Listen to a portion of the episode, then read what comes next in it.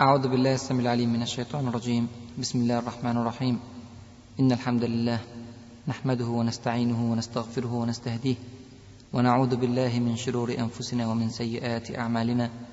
إنه من يهده الله فهو المهتد ومن يضلل فلن تجد له وليا مرشدا. وأشهد أن لا إله إلا الله وحده لا شريك له وأشهد أن محمدا عبده ورسوله. مع الحلقة السادسة من حلقات الأندلس من الفتح إلى السقوط نفتح سويا صفحة جديدة في هذا التاريخ الطويل. قبل أن ندخل في هذه الحلقة بعض الإخوة اشتكوا من كثرة المعلومات في الدروس السابقة وتلاحق الأسماء والتواريخ. نذكركم أن هذه دراسة دراسة ل 800 سنة من تاريخ الأمة الإسلامية. والحق أنك تحتاج إلى سماع الحلقة أكثر من مرة. لاستنباط الدروس. وقد أحيانا لا نقف على بعض الدروس في بعض المواقف ويترك للأفراد الاستفادة منها بقدر حاجتها. على سبيل المثال صفات عبد الرحمن الداخل لو جلست مع نفسك أياما وأياما ما استطعت أن تكفيه حقه ولا أن تدرس صفاته دراسة كافية وافية. بعض الأسئلة جاءت بخصوص الحلقة السابقة أو الحلقات السابقة. سؤال كان بيقول أنه كان يعتقد أو ما زال يعتقد أن الصوائف التي تحدثنا عنها في الدرس السابق وهي خروج الدولة الأموية للجهاد في سبيل الله كل صيف سواء في فترة الشام أو سواء في فترة حكمهم لبلاد الأندلس أن هذه الصوائف لم تكن إلا لإخراج الشباب من البلاد إلى الثغور وذلك لإفراغ الشحنات وبذلك يتجنبون الثورات والانقلابات والتمرد في داخل البلاد. فهل هذا حقيقي أو هذا صحيح؟ هكذا يسأل الأخ الحقيقة. يعني لما سمعت السؤال والله يا إخوة لا أخفي عليكم حزنت حزنا شديدا. حزنا شديدا أن أرى هذا الفهم لفتوحات الدولة الأموية الكبيرة. لماذا ولمصلحة من؟ يقلب كل حسن إلى قبيح ويقلب كل خير إلى شر. لماذا الطعن في فتوحات بني أمية وأيديهم البيضاء على المسلمين لا تنقطع؟ تفتكروا إيه اللي كان يحصل لو بني أمية لم يدخلوا إلى ليبيا أو تونس أو الجزائر أو المغرب أو جمهوريات الاتحاد السوفيتي الإسلامية جميعا أوزبكستان وكازاخستان والشيشان وأذربيجان التي دخلها الإسلام على أيدي بني أمية. ترى ماذا يحدث؟ لو لم يدخل الأمويون إلى أفغانستان أو إلى الهند أو إلى هذه البلاد التي ظلت تحكم بالإسلام قرونا طويلة بفضل هذا الدخول. أيضا لماذا الطعن في الأمثلة الجميلة والصور الرائعة؟ لماذا الطعن في موسى بن نصير؟ والقول بأنه ما ذهب إلى بلاد الأندلس بجيشه إلا غيرة من طارق بن زياد رحمه الله. لماذا الطعن في عبد الرحمن الداخل؟ والقول بأنه لم يذهب إلى الأندلس إلا طلبا للملك وطلبا للسيادة والسلطان. لماذا تشويه هذه الصور للشباب وهي صور يعني قلما تتكرر في تاريخ الأمم؟ المستشرقون ومن على شاكلتهم من أبناء المسلمين يقيسون الماضي والتاريخ بأفكار الحاضر. قد وجدوا في هذه الآونة أن السياسة الآن لا تستغني عن الغش والخداع والغدر والرشوة والمؤامرة والمكيدة. العلمانيون يا إخوة لا يتخيلون أبدا أن يبذل الإنسان نفسه وماله وجهده ووقته من أجل الآخرين أو من أجل شيء غير منظور من أجل الجنة مثلا. لذلك من المستحيل عليهم أن يفهموا هذه النماذج الطاهرة التي ما تكررت والله إلا في التاريخ الإسلامي فقط. ثالثا تعليقا أيضا على نفس السؤال أنه هناك سنة من سنن الله الثوابت. يقول الله سبحانه وتعالى في كتابه الكريم إن الله لا يصلح عمل المفسدين. أترى لو كان سعي بني أمية كله في هذه الفتوح لمجرد إلهاء الشعوب عن الملك وإلهاء الشباب عن الثورات والمؤامرات وليست فيه نوايا الجهاد والدعوة وحب الإسلام أكان يصلحه الله؟ يا إخوة إن الله طيب لا يقبل إلا طيبا. رأينا جميعا هزيمة المسلمين عند الأخطاء القلبية. هزم المسلمون في أحد لخطأ قلبي منكم من يريد الدنيا. وهزم المسلمون في حنين لخطأ قلبي أيضا. ويوم حنين إذ أعجبتكم كثرتكم. هذا على كرامة هذا الجيش من وجود رسول الله صلى الله عليه وسلم والصحابة. فإذا حقق الأمويون هذا النصر الراسخ لقرون وقرون أليس هذا دليلا على خيريتهم؟ هل اطلع هؤلاء الطاعنون على قلوبهم فوجدوا فيها خبثا أو نفاقا؟ قل هل عندكم من علم فتخرجوه لنا؟ الأمر الرابع تعليقا على هذا الأمر أيضا أنه ليس معنى هذا أن بني أمية ليسوا بلا أخطاء.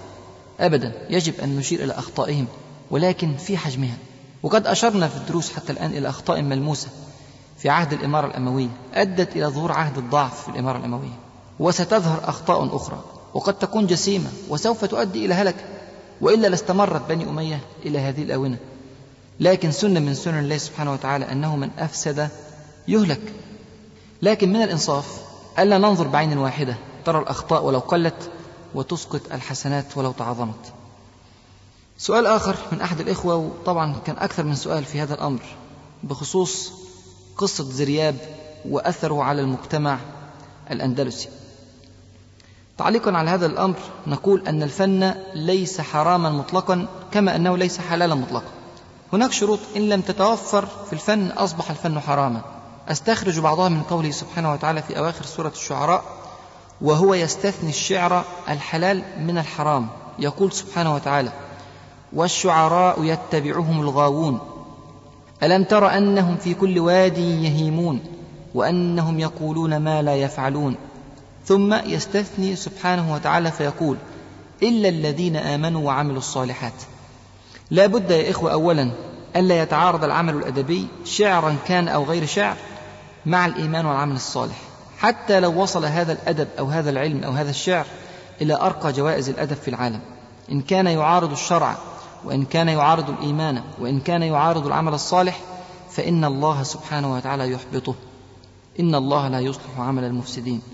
والاستثناء الثاني يقول سبحانه وتعالى أيضا في نفس الآية للتكملة وذكروا الله كثيرا فلا يجب أن ينهي هذا العمل الأدبي صاحبه أبدا عن ذكر الله في كل أحواله. فيصبح أن الأصل هو ذكر الله والاستثناء هو قول الشعر أو ما شابهه من أعمال الفن الصالح طبعا. ثم يكمل سبحانه وتعالى فيقول وانتصروا من بعد ما ظلموا أي أن يستخدم شعره وأدبه في الدفاع عن الإسلام والنفس والوطن. وتحسين الصورة للشرق والغرب ورفع الشبهات وغيرها. سؤال أخير بالنسبة للحلقة السابقة هو الحقيقة ملحوظة آه، لطيفة. أخ بيسأل عن طبيعة الحكام في فترة الضعف. الفترة الضعيفة في عهد الإمارة الأموية استمرت من سنة 238 هجرية إلى سنة 300 هجرية. يسأل عن طبيعة الحكام في هذه الفترة. نقول أن هناك أمر عجيب جدا. الأمراء الذين حكموا في هذه الفترة ثلاثة. محمد بن عبد الرحمن الأوسط المنذر ابن محمد وعبد الله ابن محمد. لما تنظر إلى صفتهم في الكتب تجد أن الأول محمد بن عبد الرحمن الأوسط وصف بأنه كان عاقلا رزينا مجاهدا خفف الأعباء المالية عن الناس واهتم بالعلماء. أما الثاني فهو المنذر ابن محمد كان فارسا شجاعا وقائدا متميزا لكن لم يحكم إلا سنتين فقط. ومات وهو في حصار إحدى حركات التمرد. أما الثالث فهو عبد الله ابن محمد. كانت صفته أنه كان متقشفا عادلا رحيما محبا للناس ينظر في المظالم بنفسه. إذا كان الأمراء على درجة عالية جدا من التقوى والعدل والرحمة والجهاد. ومع ذلك ضعفت الأمة. الملحوظة الغريبة أنه لماذا لم تسقط الأمة في عهد الحكم بن هشام بن عبد الرحمن الداخل؟ هذا الرجل الذي تحدثنا عنه في الحلقة السابقة وقلنا أنه تميز في معظم فترات حياته بالظلم والقسوة. لم تسقط الأمة في عهده ولكنها سقطت في عهد هؤلاء الذين تميزوا بالتقوى والعدل والرحمة والجهاد. أمر غريب جدا. لتبرير هذا التباين أرى بعض الأمور والأمر قد يكون فيه تبريرات كثيرة جدا لكن يعني أكتفي باستنتاجين. الأمر الأول أن هؤلاء الأمراء كانوا يتصفون بضعف في القيادة وسوء في الإدارة باستثناء المنذر بن محمد. لكن لو تذكروا المنذر بن محمد لم يحكم إلا سنتين فقط. بينما تميز الحكم ابن هشام ابن عبد الرحمن الداخل على ظلمه بحسن الإدارة وقوة الشخصية. إذا القائد لابد أن يجتمع له مع التقوى الكفاءة. هكذا كان يوزع رسول الله صلى الله عليه وسلم المهام على أصحابه. كان يعطي هذا قيادة الجيوش. وكان يعطي هذا قراءة القرآن وكان يعطي هذا تعليم الناس وكان يعطي هذا الأذان وكان يعطي هذا إمامة الصلاة وهكذا كان يوزع عليهم الأمور بحسب كفاءتهم وبحسب قدرتهم على العمل والجميع من الأتقياء. إذا الكفاءة بجوار التقوى. الأمر الثاني وهو هام جدا جدا أن الشعب في عهد الحكم بن هشام كان شعبا ربي على أعلى درجات التربية وذلك في عهد عبد الرحمن الداخل رحمه الله وفي عهد ابنه هشام ابن عبد الرحمن الداخل الذي شبهوه بعمر ابن عبد العزيز رضي الله عنه وأرضاه. فلم تسقط الأمة بل تغير الحكم ابن هشام على ظلمه إلى التوبة في آخر عامين من حياته تاثرا بشعبه الذي كان في غالبه على التقوى.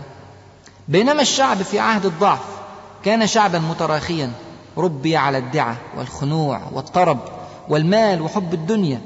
وكثرة الغنائم وما إلى ذلك. فحتى إن تولى الصالحون فإن الأمة تسقط. سئل رسول الله صلى الله عليه وسلم يا رسول الله أنهلك وفينا الصالحون؟ قال نعم إذا كثر الخبث. فالخبث كثر في عهد الإمارة الأموية الثاني. كثر أصبح عموم الشعب من الخبثاء من محب الدنيا من محب الدعوة والخنوع. وهذا يبين دور التربية تربية الشعوب. وتربية الأبناء والشباب على حب الله سبحانه وتعالى وحب رسوله الكريم صلى الله عليه وسلم. نعود بعد هذه الأسئلة إلى ما كنا عليه في آخر الحلقة السابقة. نحلل الموقف من جديد حتى نذكر الإخوة بما كنا عليه في سنة 300 من الهجرة. أولا في الأندلس حركات تمرد في كل مكان. أشهرها حركة عمر بن حفصون أو صمويل بن حفصون. الذي تنصر في سنة 286 هجرية كما ذكرنا. ثانيا الحكومة الأموية المركزية لا تملك إلا قرطبة فقط وما حولها من القرى. يعني دي بتمثل تقريبا أقل من عشر مساحة الأندلس في ذلك الوقت. ثالثا الشمال به ثلاث ممالك نصرانية أراغون ونافار وليون وأكبرها هي مملكة ليون وكانت هذه الممالك قد بدأت تجترئ على الحدود الشمالية الأندلسية وتهجم عليها بل واحتلت بعض المدن الإسلامية في الشمال مثل مدينة سالم. الأمر الرابع أن الأمير عبد الله بن محمد وهو آخر الأمراء كان قد مات في سنة 300 من الهجرة. وابنه الأكبر محمد الذي هو كان مرشحا للخلافة كان قد قتل. وقتل منذ 22 سنة. وقد خلف من ورائه ساعتها طفلا رضيعا عمره ثلاثة أسابيع فقط. خامسا الدولة العبيدية الشيعية المسماة بالفاطمية قد ظهرت وبقوة في المغرب. بدأ ظهورها في عام 296 من الهجرة. وهي تؤيد عمر بن حفصون أو صمويل بن حفصون بالسلاح عن طريق مضيق جبل طارق. سادسا روح سلبية رهيبة تتملك الناس في كل ربوع الأندلس أنه لا أمل في الإصلاح. وسابعا الأمر في بلاد العالم الإسلامي لا يختلف كثيرا عن الأحوال في بلاد الأندلس فقد تمزق العالم الإسلامي إلى دويلات كثيرة متفرقة. في هذا الجو المليء بالفتن وهذه التركة المثقلة بالهموم حدث أمر غريب ولكنه متوقع. زهد جميع الأبناء في الحكم. كل أبناء عبد الله بن محمد المرشحين للخلافة زهدوا في الحكم. طبعا تركة مثقلة جدا جدا بالهموم ولا يتوقع أحد فيهم أن يصلح الأمر. لذلك زهدوا في الحكم وتركوه. طيب مين يحكم البلاد من بني أمية في هذه الفترة؟ سبحان الله قدموا الحفيد. حفيد عبد الله ابن محمد حفيد الأمير الأخير عبد الله ابن محمد. وهو ابن القتيل محمد بن عبد الله الذي قتل منذ 22 سنة. فقدموا ابنه. هذا الحفيد هو عبد الرحمن ابن محمد ابن عبد الله ابن محمد ابن عبد الرحمن الأوسط رحمه الله. وكان يبلغ من العمر في ذلك الوقت 22 سنة فقط وهو الذي عرف في التاريخ باسم عبد الرحمن الناصر. يقوم عبد الرحمن الناصر بأمر الإمارة فإذا به سبحان الله يغير الضعف إلى قوة ويغير الذل إلى عزة ويغير الفرقة إلى وحدة. ويغير الهوان إلى مجد وسيادة وسلطان. وهي خطوات الحق لابد أن تدرس بعناية. نحن في هذه المحاضرات مجرد نعطي إشارات لكن لابد أن يجلس الباحثون والمفكرون والمحللون أياما وشهورا بل والله سنوات لدراسة هذه الحقبة من تاريخ المسلمين. نأخذ في الاعتبار قبل أن ندرس خطوات عبد الرحمن الناصر رحمه الله أنه يبلغ من العمر 22 سنة فقط. 22 سنة هجرية يعني 21 سنة فقط ميلادية. يعني لو كان في زماننا كان زمانه في سنة ثالثة أو رابعة في الجامعة على أقصى تقدير. لكن سبحان الله انظر إلى طاقة الشباب. طاقة كبيرة جدا جدا. وأحيانا يبخس الشباب نفسه. وأحيانا يبخس المجتمع حق شبابه. وسبحان الله الإسلام هذا والله دين عجيب. وهذه الأمة أمة ولادة.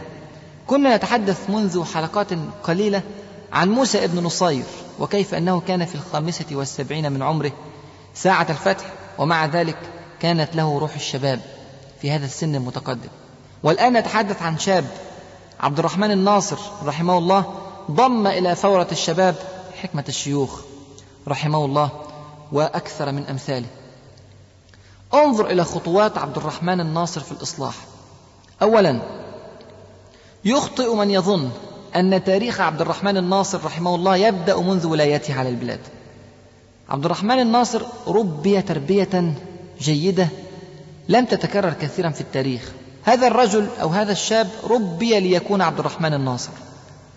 كل مولود يولد على الفطرة فأبواه يهودانه أو ينصرانه أو يمجسانه. إن لم نكن نحن عبد الرحمن الناصر فليكن أبناؤنا عبد الرحمن الناصر. يا إخوة يا ترى إحنا بنعلم أبنائنا الصلاة عند سبع سنين وبنضربهم عند عشرة ولا لأ؟ أوعى طبعا تضرب ابنك عند عشرة من غير ما تعلمه عند سبعة يا ترى إحنا بنحفظ أبنائنا القرآن ولا أولادنا حافظين أغاني سين وصاد وعين من المطربين والمطربات الأحياء منهم والأموات يا ترى إحنا بنعلم أولادنا السباحة وألعاب القوة وألعاب الدفاع عن النفس ولا الابن يا ترى طول اليوم مشغول بالكرتون والتلفزيون والكوتشينة؟ يا ترى ابننا لما يكبر عايز يبقى زي مين؟ عايز يبقى زي خالد بن الوليد وزي صلاح الدين الأيوبي وزي عبد الرحمن الناصر وزي عبد الرحمن الداخل ولا عايز يبقى زي مارادونا ومايكل جاكسون والناس اللي هم على نفس الشاكلة؟ الحياة مسؤولية ضخمة جدا وكلكم راع وكلكم مسؤول عن رعيته. عبد الرحمن الناصر رحمه الله قتل أبوه وهو يبلغ من العمر ثلاثة أسابيع فقط فرباه جده الأمير عبد الله بن محمد. رباه ليفعل ما لم يستطع هو أن يفعله رباه على سعة العلم وقوة القيادة والجهاد وحسن الإدارة رباه على التقوى والورع رباه على الصبر والحلم رباه على العزة والكرامة رباه على العدل مع القريب والبعيد. رباه على الانتصار للمظلوم رباه ليكون عبد الرحمن الناصر. ثانيا عبد الرحمن الناصر رحمه الله دخل هذه الإمارة وعنده ثقة شديدة بالله سبحانه وتعالى وثقة شديدة بنفسه أنه يستطيع أن يغير. هو يثق أن الله سبحانه وتعالى قادر على كل شيء. يثق في قوله سبحانه وتعالى إن ينصركم الله فلا غالب لكم. ثم يثق في نفسه أنه من الممكن أن يغير. هذا الرجل لو كان في قلبه إحباط من التغيير وأنه لا أمل في الإصلاح ما استطاع أن يتحرك خطوة واحدة. لكن سبحان الله هو عبد الرحمن الناصر مع صغر سنه عنده 22 سنة فقط لكن أخذ على عاتقه مهمة تعتبر من أثقل المهام في تاريخ الإسلام. بهذه المؤهلات بهذه التربية من جده عبد الله بن محمد بهذه التربية الشاملة لكل فروع كمال الشخصية وبهذه الثقة الشديدة بالله وبهذه الثقة الشديدة بالنفس دخل عبد الرحمن الناصر ليغير من التاريخ. أول شيء فعله يا عبد الرحمن الناصر أول ما تملك الأمور في الأندلس ماذا فعل؟ بدأ في تنظيف قرطبة تنظيف قرطبة لكن طبعا أنا ما أقصدش تنظيف الشوارع. لكن بدأ بتنظيف المراكز المرموقة. بدأ ينظف المراكز الموجودة في البلد من وزراء وقواد للجيش. بدأ ينظفها من رموز الفساد التي عمت. وبدأ ينتقي من يتصف بالتقوى والورع ونظافة اليد وسعة العلم ويعطيه المراكز القيادية في قرطبة. هو لا يملك من كل بلاد الأندلس إلا قرطبة فقط. قرطبة وما حولها من القرى. طبعا قرطبة كانت من أكبر بلاد الأندلس أو هي أكبرها على الإطلاق لأنها كانت العاصمة لسنوات طويلة. فكانت أيضا مركز ثقل كبير لكن لا تمثل أكثر من عشر الأندلس كما ذكرنا لكن بدأ يصلح في هذه المنطقة الصغيرة. ثم أعلى من شأن العلماء جدا ورضخ لهم رضوخا كاملا وطبق ذلك على نفسه قبل أن يطبقه على شعبه وطبق الشرع الإسلامي بحذافيره. ولم يتنازل أبدا عن نقطة واحدة من نقط الشرع الكريم. سواء في كتابه سبحانه وتعالى أو في سنة رسوله الكريم صلى الله عليه وسلم. وكان هو أول الذين طبق عليهم ذلك. في يوم من الأيام كان يحضر خطبة الجمعة. وكان قد بنى قصرا من القصور رحمه الله. فيخطب الخطبة المنذر ابن سعيد رحمه الله من أكبر علماء قرطبة في ذلك الوقت.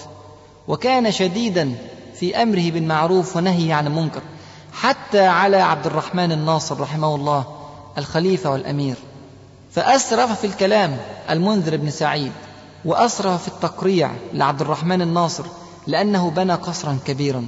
عبد الرحمن الناصر رحمه الله عندما يعود إلى بيته يقول والله لقد تعمدني منذر بخطبته وما عنا بها غيري فأسرف علي وأفرط في تقريعي ولم يحسن السياسة في وعظي فزعزع قلبي وكاد بعصاه يقرعني. فالناس اللي حواليه طبعا لما قال هذا الكلام يعني أشار عليه رجل أن يخلعه. يخلع المنذر بن سعيد عن خطبة الجمعة. انظر إلى كلام عبد الرحمن الناصر الخليفة. عبد الرحمن الناصر الأمير على كل المنطقة. انظر ماذا يقول. يقول أمثل منذر بن سعيد في فضله وخيره وعلمه يعزل؟ يعزل لإرضاء نفس ناكبة عن الرشد سالكة غير القصد. هذا والله لا يكون. وإني لأستحيي من الله أن لا أجعل بيني وبينه سبحانه وتعالى في صلاة الجمعة شفيعا مثل منذر في ورعه وصدقه وأبقاه على مكانته. وأكثر منذر بن سعيد رحمه الله من تقريع عبد الرحمن الناصر وما عزله حتى مات. بدأ عبد الرحمن الناصر يربي أهل قرطبة على هذه المعاني. وكان في انصياعه هو أفضل قدوة للناس جميعا. ثم بعد ذلك ماذا يفعل؟ عليه أن يتفرغ للثورات الكثيرة. ذكرنا ثورات عدة في كل أرض الأندلس. فبمن يبدأ؟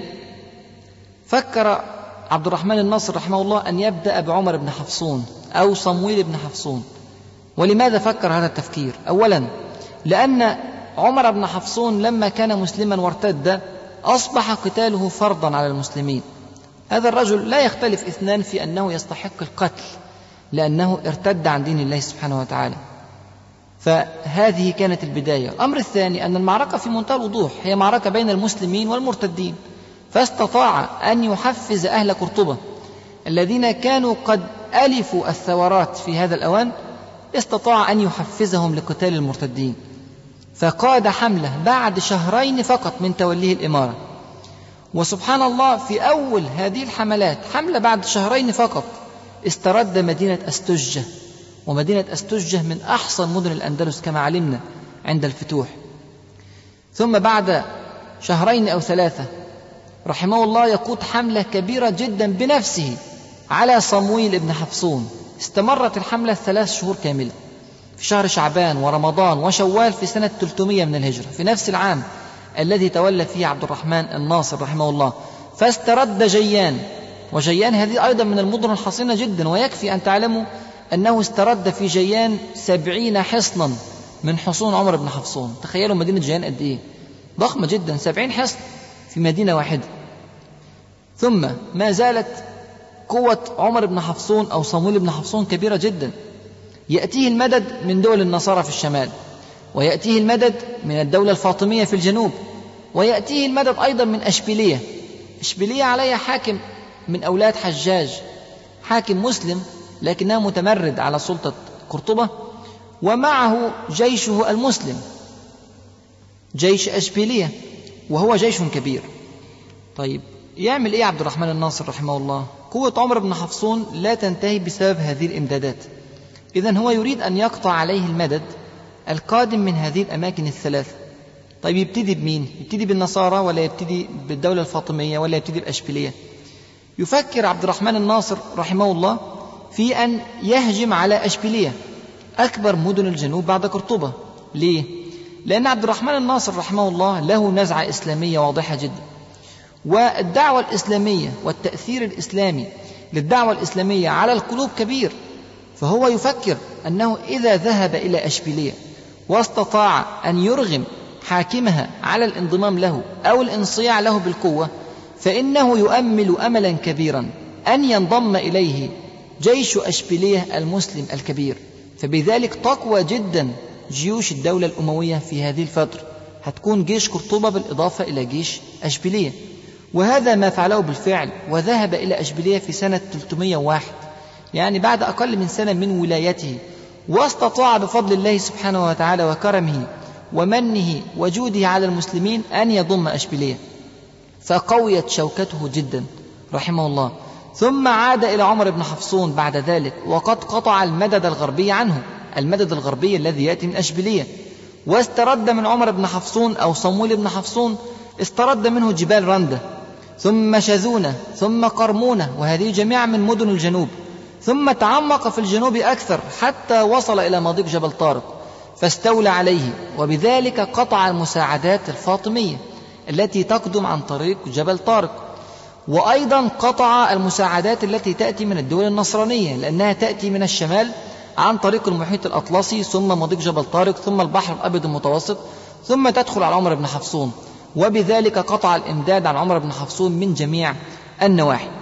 نتيجة هذه الأمور صمويل بن حفصون هذا طلب من عبد الرحمن الناصر رحمه الله المعاهدة طلب صلح الأمان لأجل على أن يعطيه 162 حصن من حصون عمر بن حفصون أو صمويل بن حفصون. فوافق عبد الرحمن الناصر رحمه الله لأن البلاد عنده متقلبة شديدة التقلب وهو يريد أن يتفرغ لغيره. فلما أمن جانبه وضمن في يده 162 حصن كاملة وافقوا على المعاهدة. فعند وقت الحرب يحارب وعند وقت المعاهدة تجده رحمه الله من أفضل الساسة. إذا نعيد تخيل الموقف من جديد. الآن أصبحت قوة عبد الرحمن الناصر رحمه الله تضم قرطبة وأشبيلية وجيان وأستجة وهي جميع من مدن الجنوب بالإضافة إلى حصون مجاورة كثيرة كما ذكرنا. هذا يمثل تقريبا حوالي سدس الأندلس الإسلامية في ذلك الوقت. ده أول أمر. الأمر الثاني أن صمويل بن حفصون ما زال يملك حصونا كثيرة. ويسيطر سيطرة كبيرة على الجنوب الشرقي من البلاد لكن قطعت عنه الإمدادات الخارجية سواء من النصارى أو الدولة الفاطمية أو أشبيلية. ثالثا هناك تمرد في طليطلة. طليطلة هذه موجودة في شمال قرطبة. رابعا هناك تمرد في سراكوستا في الشمال الشرقي. خامسا هناك تمرد في شرق الأندلس مقره بلنسية. سادسا هناك تمرد في غرب الأندلس يقوده عبد الرحمن الجليقي. إذا الموقف الآن في سنة 302 من الهجرة. تعتبر الأندلس مقسمة إلى ستة أقسام. قسم واحد في يد عبد الرحمن الناصر قرطبة وأشبيلية ما حولها وخمسة أقسام موزعة على خمسة من المتمردين. إذا المتوقع الآن أن يحاول عبد الرحمن الناصر رحمه الله أن يقاوم من جديد أحد هذه التمردات من حوله. لكن سبحان الله عبد الرحمن الناصر يفاجئنا ويفاجئ الجميع بأمر يعني الواحد حقيقة يقف فاغرا فاه لهذا الرجل المعجزة عبد الرحمن الناصر رحمه الله. أمر عجيب جدا. يعمل إيه عبد الرحمن الناصر؟ يترك كل هذه المؤامرات وينظر في اتجاه الشمال الغربي. مملكة ليون تهجم على منطقة من مناطق المتمردين منطقة غرب الأندلس. فيترك كل شيء ويأخذ جنده من قرطبة وأشبيلية ويصعد في اتجاه الشمال الغربي ليقابل قوات النصارى. يهاجمهم ويحاربهم لمدة سنتين كاملتين في أرض المتمردين. ثم بعد أن ينتصر عليهم انتصارات كبيرة. ويعود محملا بالغنائم يترك البلاد ويعود إلى قرطبة وأشبيلية وكأنه يعلم الناس أمرا في منتهى الوضوح لكن كان قد خفي على الناس. العدو الحقيقي لكم أيها الناس هو النصارى في الشمال وليست الأعداء من داخل المسلمين. العدو الحقيقي هو مملكة ليون ومملكة نافار ومملكة أراجون أحرج عبد الرحمن الناصر بهذا الفعل. المتمردين إحراجا كبيرا أمام شعوبهم وحرك العاطفة في قلب الشعوب نحوه وكذلك تتحرك عواطف الشعوب تجاه من يدافع عن قضاياها الخارجية ومن يقاتل أعداءها الحقيقيين. هي نصيحة لكل المسلمين أن يوجهوا الشعوب إلى الأعداء الحقيقيين بدلا من تصارع كل قطرين مسلمين على الحدود بينهما تعالوا نحرك قضية فلسطين. تعالوا نحرك قضية الشيشان. تعالوا نحرك قضية كشمير أو البوسنة أو كسوفا أو غيرها من قضايا المسلمين الحقيقية. يا إخوة والله هذه قضايا مجمعة. فقه هذا الدرس عبد الرحمن الناصر رحمه الله. فانظروا إلى النتائج. عبد الرحمن الناصر رحمه الله أتم في هاتين السنتين انتصارات عديدة بجيشه القليل نسبيا. لكن معه العلماء والمجاهدون يرغبون الناس في الجنة ويرغبون الناس في الموت في سبيل الله. انتهت هذه الحملات في سنة 304 وهي من أكبر الحملات التي قادها رحمه الله على النصارى وعاد محملا بغنائم كثيرة. انظر ما حدث بعد عودته إلى قرطبه وإلى إشبيلية. انضمت ساراكوستا بدون قتال إلى عبد الرحمن الناصر. هذه هدية والله يا إخوة من الله لمن جاهد وثبت على دينه. ثم انظر هدية أخرى من رب العالمين سبحانه وتعالى. هدية من الرحمن لعبده عبد الرحمن رحمه الله في سنة 306 يموت صمويل بن حفصون. يموت ويبلغ من العمر 66 سنة. يموت على نصرانيته مرتدا فتوحات ربانية سبحان الله. فينزل بسرعة عبد الرحمن الناصر مستغلا الحدث ويضم كل مناطق الجنوب الشرقي له. واستتاب الناس النصارى الذين انقلبوا من الإسلام إلى النصرانية. استتابهم ثلاثة أيام. فمن قبل منهم وعاد قبله في جيشه. ومن أبى إلا أن يبقى على نصرانيته قتله ردة. وكان من هؤلاء ابنة عمر بن حفصون أو ابنة صمويل بن حفصون والتي كانت تحفز الناس على ألا يتركوا دين الآباء دين النصرانية فقتلها ردة. في سنة 308 عبد الرحمن الناصر يتحرك إلى طليطلة. الثورة التي كانت هناك أو التمرد الذي كان في طليطلة ما استطاع أن يقف أمام هذه القوة الإسلامية الجارفة فضمها إليه في سهولة في سنة 308 نفتكر يا إخوة أن عبد الرحمن الناصر في سنة 308 عمره 30 سنة فقط. أصبح الطريق الآن آمنا للشمال. الشمال الشرقي والذي فيه سرقسطة ضم لعبد الرحمن الناصر. وسط الشمال الذي فيه طليطلة ضم إليه الآن بعد فتح طليطلة وضمها للمسلمين. فيقوم عبد الرحمن الناصر في سنة 308 بتوجيه حملة ضخمة جدا للنصارى. غزوة موبش الكبرى في سنة 308 ضد جيوش ليون ونافار المجتمعة. واستمرت الغزوة ثلاثة شهور كاملة وعبد الرحمن الناصر رحمه الله على رأس الجيوش. انتصارات ضخمة وغنائم عظيمة وضم مدينة سالم وكانت قد سيطر عليها من قبل النصارى. في سنة 312 بعد غزوة موبش بأربع سنوات يقود عبد الرحمن الناصر حملة ضخمة أخرى أيضا بنفسه على مملكة نافار ويستطيع في أيام معدودات أن يكتسحها اكتساحا ويضم إلى أملاك المسلمين مدينة دنبلونة عاصمة نافار. وبدأ رحمه الله يحرر من الأراضي التي أخذها النصارى في عهد ضعف الإمارة الأموية. في سنة 316 من الهجرة يقود حملة على شرق الأندلس ويقمع التمرد الذي كان هناك ويضمها إلى أملاكه. ثم في نفس العام حملة على غرب الأندلس وهزيمة لعبد الرحمن الجليقي وضمها إلى أملاكه من جديد. وبذلك وحد الأندلس كله تحت راية واحدة بعد 16 سنة من الكفاح المضني. وحدها جميعا ولم يبلغ من العمر إلا ثمانية وثلاثين سنة فقط. رحم الله عبد الرحمن الناصر. نظر إلى العالم الإسلامي من حوله. نظر إلى الخلافة العباسية. فوجدها قد ضعفت جدا وقتل المقتدر بالله الخليفة العباسي في ذلك الوقت على يد مؤنس المظفر التركي وتولى الأتراك الحكم فعليا في البلاد. وإن كانوا وضعوا في الصورة الخليفة العباسي القادر بالله. ثم نظر إلى الجنوب فوجد الفاطميين قد أعلنوا خلافة وسموا أنفسهم بأمراء المؤمنين. فقال عبد الرحمن الناصر إنه هو. وقد وحد الأندلس وصنع هذه القوة أحق بذلك الأمر منهم فأطلق على نفسه أمير المؤمنين وسمى الإمارة الأموية بالخلافة الأموية فيبدأ في الأندلس عهد جديد هو عهد الخلافة الأموية من سنة 316 إلى سنة 400 من الهجرة يعني 84 سنة متصلة. يعتبر عهد الخلافة الأموية استكمال لعهد الإمارة الأموية لكن كانت قد بدأت أبهة الحكم وقوة السيطرة والسلطان تظهر على بلاد الأندلس. في سنة 319 بعد ثلاث سنوات من هذا الحدث ينزل عبد الرحمن الناصر إلى مضيق جبل طارق ويغزو بلاد المغرب ويحارب الفاطميين ويضم إلى أملاك الأندلس سبتة وطنجة فيسيطر بذلك على مضيق جبل طارق ويبدأ بإمداد أهل السنة في منطقة المغرب بالسلاح لكن لا يلقي في المغرب بخيرة جنده لأنه كان يخشى من ممالك النصارى في الشمال. انظر إلى هذا الحدث الذي يكشف عن شخصية عبد الرحمن الناصر رحمه الله. في سنة 323 تحدث خيانة من حاكم سراقسطة سراقسطة هذه مملكة الشمال الشرقي.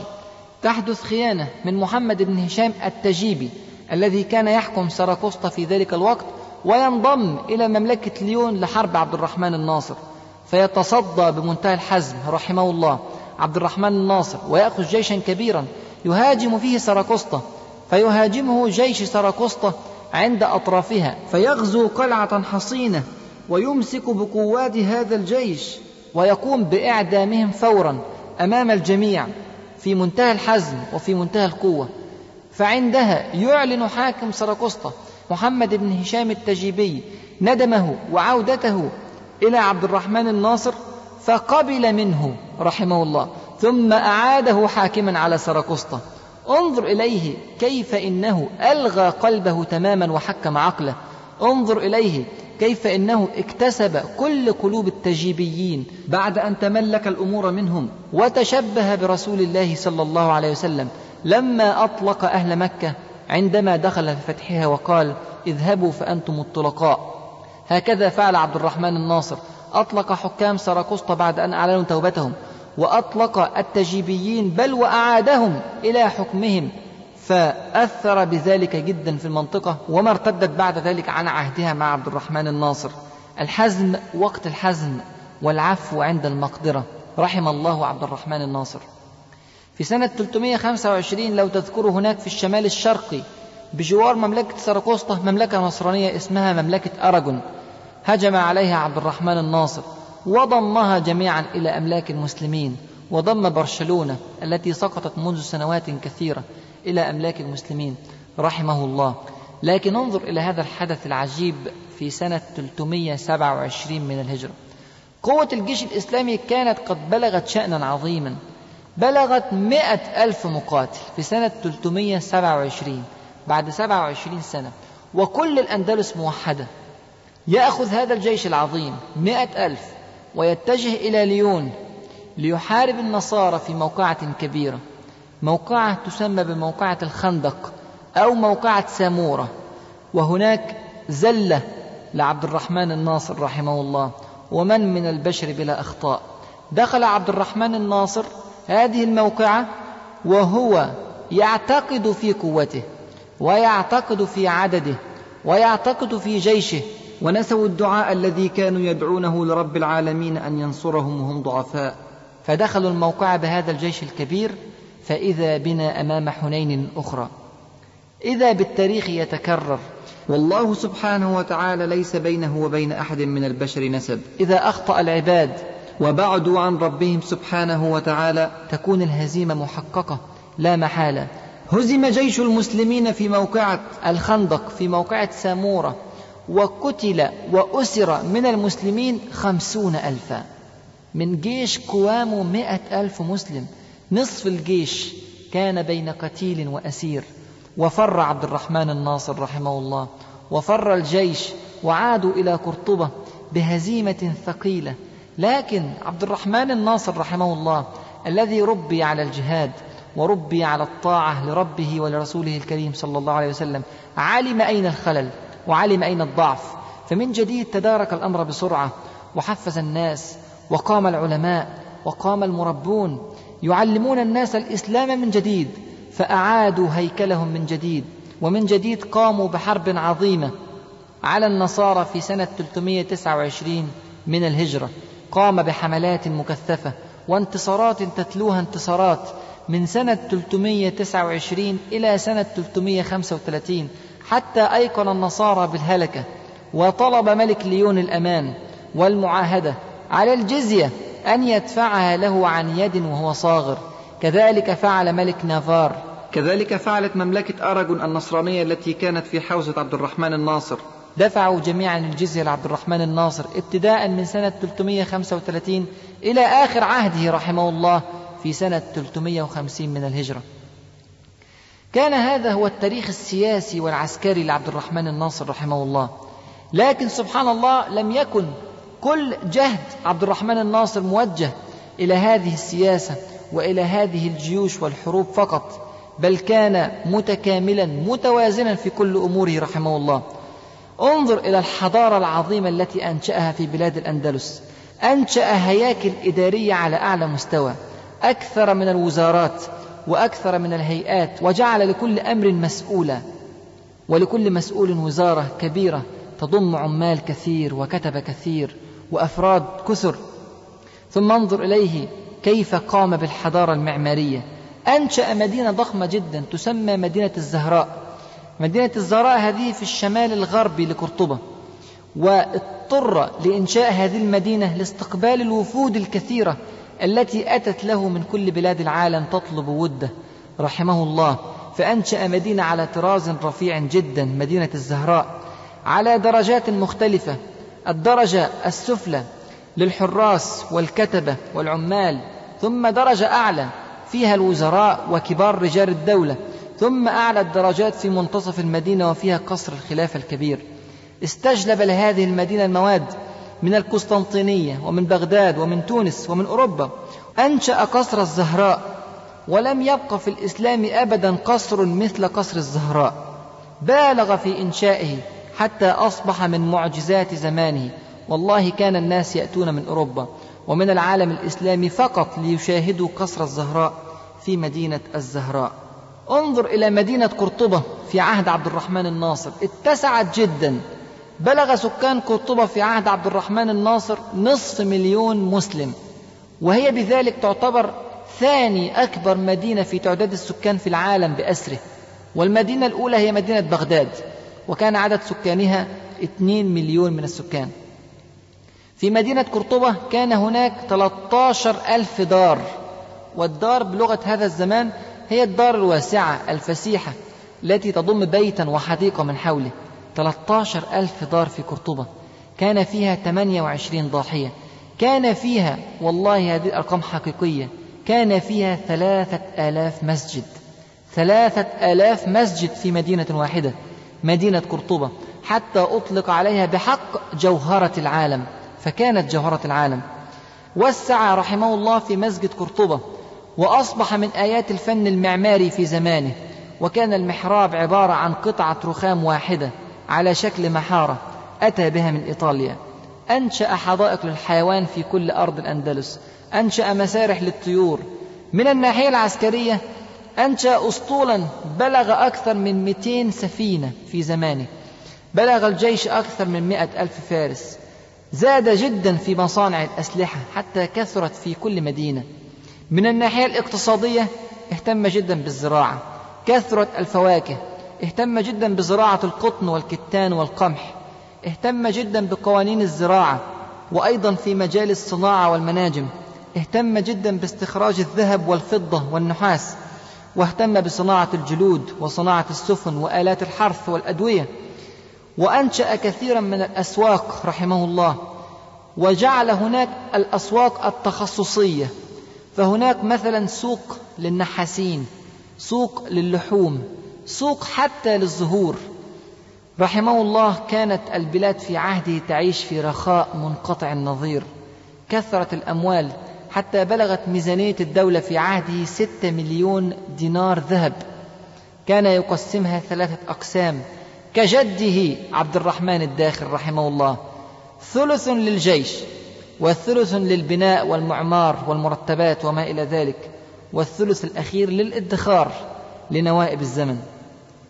من الناحية الأمنية قويت الشرطة جدا في عهد عبد الرحمن الناصر وأيضا كانت هناك الشرطة التخصصية شرطة للنهار وشرطة لليل وشرطة للتجارة وشرطة للبحر وهكذا وزع في أقسامها حتى عم الأمن والأمان ولم تقم ثورات أبدا على عبد الرحمن الناصر في عهده الثاني في النصف الثاني من خلافته رحمه الله.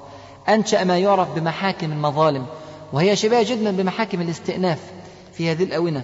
طور المحاكم وأقام الشرع إقامة محكمة دقيقة ما فرط أبدا في كلمة من كلمات الله أو في كلمة من كلمات رسوله الكريم صلى الله عليه وسلم. ازدهر البريد جدا في عهد عبد الرحمن الناصر. من الناحية العلمية شاع التعليم جدا في عهده واهتم جدا بمكتبة قرطبة. كانت المكتبة قد أسست قبل ذلك الزمن لكن زاد جدا في حجمها حتى بلغ واسمعوا معي جيدا حتى بلغ عدد الكتب في مكتبة قرطبة في زمان عبد الرحمن الناصر أربعمائة ألف كتاب.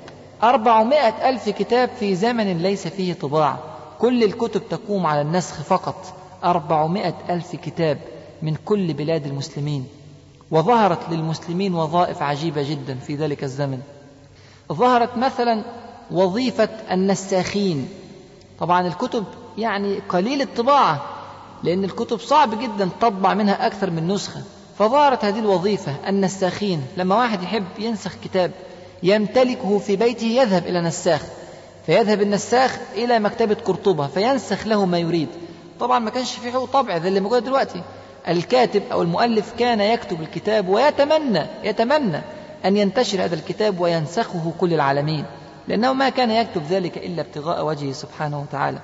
فظهرت هذه الوظيفة. ظهرت أيضا وظيفة الباحثين. مسألة مثلا من مسائل الفقه أو مسائل العقيدة أو مسائل السيرة. لكن صعب عليك أنك أنت تدور في 400 ألف كتاب. تذهب إلى الباحثين. الخبراء ذاع صيت عبد الرحمن الناصر في الدنيا جميعا. ورضيت منه ممالك الشمال بالعهد والجزية. وجاءت السفارات يا إخوة والله من كل أوروبا. تطلب وده. جاءت السفارات من ألمانيا ومن إيطاليا ومن فرنسا ومن إنجلترا. بل وجاءت من بيزنطة. بيزنطة هذه في أقصى بلاد الشرق. شرق أوروبا. بعيدة جدا جدا عن عبد الرحمن الناصر. لكن جاءت تطلب ود عبد الرحمن الناصر. وتهدي له الهدايا. ومن أشهرها الجوهرة. جوهرة ضخمة جدا كان يضعها رحمه الله في وسط قصره قصر الزهراء. جاءته رسالة من ملك إنجلترا يرجوه فيها أن يعلم أربعة من علماء إنجلترا عنده في مكتبة قرطبة أو في جامعة قرطبة. طلب منه هذا الطلب ثم وقع في آخر الرسالة خادمكم المطيع ملك إنجلترا. انظر إلى عز الإسلام وانظر إلى مجد الإسلام في عهد عبد الرحمن الناصر. وأصبح عبد الرحمن الناصر بلا جدال أعظم ملوك أوروبا في القرون الوسطى. حتى إن أسبانيا في سنة 1961 ميلادية يعني من حوالي 40 سنة من دلوقتي احتفلت بمرور ألف سنة ميلادية على وفاة عبد الرحمن الناصر لأنه كان أعظم ملوك أسبانيا على مر العصور. حتى على نصرانيتهم لم يستطيعوا أن يخفوا إعجابهم بهذا الرجل الذي رفعهم في العالمين فأصبحت أسبانيا في عهدي أو الأندلس في عهدي بلا جدال أقوى دولة في العالم أقوى من كل ممالك أوروبا وأقوى من كل ممالك المسلمين. وظل عبد الرحمن الناصر رحمه الله يحكم البلاد من سنة 300 إلى سنة 350 نصف قرن كامل. وكان رحمه الله مع كل هذا السلطان سريع الرجوع إلى ربه. حدث قحط شديد في الأندلس وقام الناس للاستسقاء ولكن نظروا فلم يجدوا الخليفة معهم. فذهبوا يبحثون عنه. ذهبوا يبحثون عن عبد الرحمن الناصر. كان يقوم بصلاة الاستسقاء المنذر بن سعيد رحمه الله فأرسل غلاما يبحث عن عبد الرحمن الناصر. فذهب الغلام إلى القصر فوجده حائرا منفردا بنفسه لابسا أخشن الثياب جالسا على التراب ودموعه قد بللت لحيته. يعترف بذنوبه ويقول يا رب هذه ناصيتي بيدك. أتراك تعذب بالرعية وأنت أحكم الحاكمين؟ يا رب لن يفوتك شيء مني. فتركه الغلام وذهب إلى المنذر بن سعيد وأبلغه بذلك فقال يا غلام أبشر احمل المطر معك. فقد أذن الله تعالى بالسقيا. إذا خشع جبار الأرض فقد رحم جبار السماء. رحم الله عبد الرحمن الناصر. طبعا كلام المنذر بن سعيد لا يقصد به أنه كان جبارا متجبرا على الناس لكنه كان يملك الناس. فإذا خشع هذا الملك فإن ملك الملوك سيرحم. توفي عبد الرحمن الناصر رحمه الله سنة 350 من الهجرة عن 72 عاما ووجدوا في خزانته ورقة بخط يده. قد عد فيها الأيام التي صفت له دون كدر. فقال في يوم كذا من شهر كذا في سنة كذا صفى لي ذلك اليوم. وفي يوم كذا من شهر كذا من سنة كذا صفى لي ذلك اليوم. فعدوها فوجدوها أربعة عشر يوما. سبحان الله. حياة طويلة في جهاد دائم مستمر. رحم الله عبد الرحمن الناصر ورزقنا من أمثاله الكثير. استخلف عبد الرحمن الناصر على الحكم ابنه الحكم ابن عبد الرحمن الناصر. والذي تولى من سنة 350 إلى سنة 366 من الهجرة. وفي عهد الحكم ابن عبد الرحمن الناصر رحمه الله حدثت في الأندلس نهضة علمية غير مسبوقة. هذا الرجل الحكم ابن عبد الرحمن الناصر كان عالما من العلماء ولا غرو فهو ابن عبد الرحمن الناصر رحمه الله. تولى الحكم وهو يبلغ من العمر 47 سنة. وكانوا يلقبونه بعاشق الكتب. وهو الذي أنشأ المكتبة الأموية أعظم مكتبات القرون الوسطى على الإطلاق وكانت تنافس مكتبة قرطبة ومكتبة بغداد واستجلب لها أعظم الكتب من كل مكان في العالم وكان يدفع فيها الآلاف من الدنانير وكان له عمال وظيفتهم فقط أن يجمعوا الكتب من مشارق الأرض ومغاربها من بلاد المسلمين ومن غير بلاد المسلمين. فإن جاء كتاب في العلم في الطب في الفلك في الهندسة في غيرها من أي بلد من بلاد غير المسلمين ترجم فورا وضم إلى المكتبة الأموية. كان يحضر الكتب مهما بالغ الناس في أسعارها حتى إنه أحضر النسخة الأولى من كتاب الأغاني للأصفهاني. وكتاب الأغاني هذا كتاب في الأدب وأصفهان هذه في إيران الآن. انظر إلى بعد المسافات التي كان يأتي بالكتب منها. كثر النسخ في عصره رحمه الله. وكان النسخ في عصره وظيفة النساء في البيوت واشتهرت نساء الأندلس بحسن خط اليد. الرجال مشغولون في الجهاد ومشغولون في نشر العلم ومشغولون في البناء والمعمار فكانت هذه وظيفة النساء. كثرت صناعة الورق والكتب والتجليد والأحبار في الأندلس حتى كان بابوات إيطاليا يشترون الورق من الأندلس ليكتبوا عليه أناجيلهم. وكذلك كل أوروبا كانت تستورد أشياء كثيرة جدا من بلاد الأندلس. وسع الحكم ابن عبد الرحمن الناصر رحمه الله في المكتبة جدا وجعل لها أروقة عظيمة لتستوعب كثرة الحضور من المسلمين وزاد التعليم للناس بشدة حتى أصبح والله يا إخوة في ذلك الزمان منذ أكثر من ألف عام كل أهل الأندلس يتعلمون القراءة والكتابة واختفت الأمية تماما. في هذا العهد السحيق من العهود في تاريخ الإسلام. زاد التعليم بشدة حتى أنشأ دارا لتعليم الفقراء بالمجان وخصص المعونات والمكافآت للطلاب وأنشأ جامعة قرطبة. كان العلماء قبل إنشاء جامعة قرطبة يعملون أعمالا من التجارة ومن الزراعة ومن الصناعة ثم هم يتعلمون ويعلمون. لكن الحكم ابن عبد الرحمن الناصر جعل وظيفة التدريس وظيفة خاصة جدا. كان يجعلهم يتفرغون للتدريس ويتفرغون للتعليم حتى يبدعوا فيه. وظنت ممالك أوروبا الشمالية وممالك الأندلس النصرانية الشمالية. ظنت عند هذا الأمر أن هذا الرجل يهتم بالعلم فقط على حساب الجهاد. فهاجموا مناطق الشمال وخالفوا عهدهم الذي كانوا قد أبرموه مع أبيه عبد الرحمن الناصر. فرد عليهم كيدهم في نحورهم وهاجمهم بغزوات كغزوات أبيه رحمه الله وانتصر عليهم في مواقع عدة حتى رضوا منه بالجزية من جديد. ومن منطلق إسلامي بحت بدأ الحكم ابن عبد الرحمن الناصر رحمه الله في حرب الدولة الفاطمية. لم يكن يملك الأندلسيون إلا ميناء سبتة وطنجة فقط في عهد عبد الرحمن الناصر. لكن الحكم ابن عبد الرحمن الناصر رحمه الله ضم كل بلاد المغرب جميعا إلى الأندلس تحت حكم الخلافة الأموية.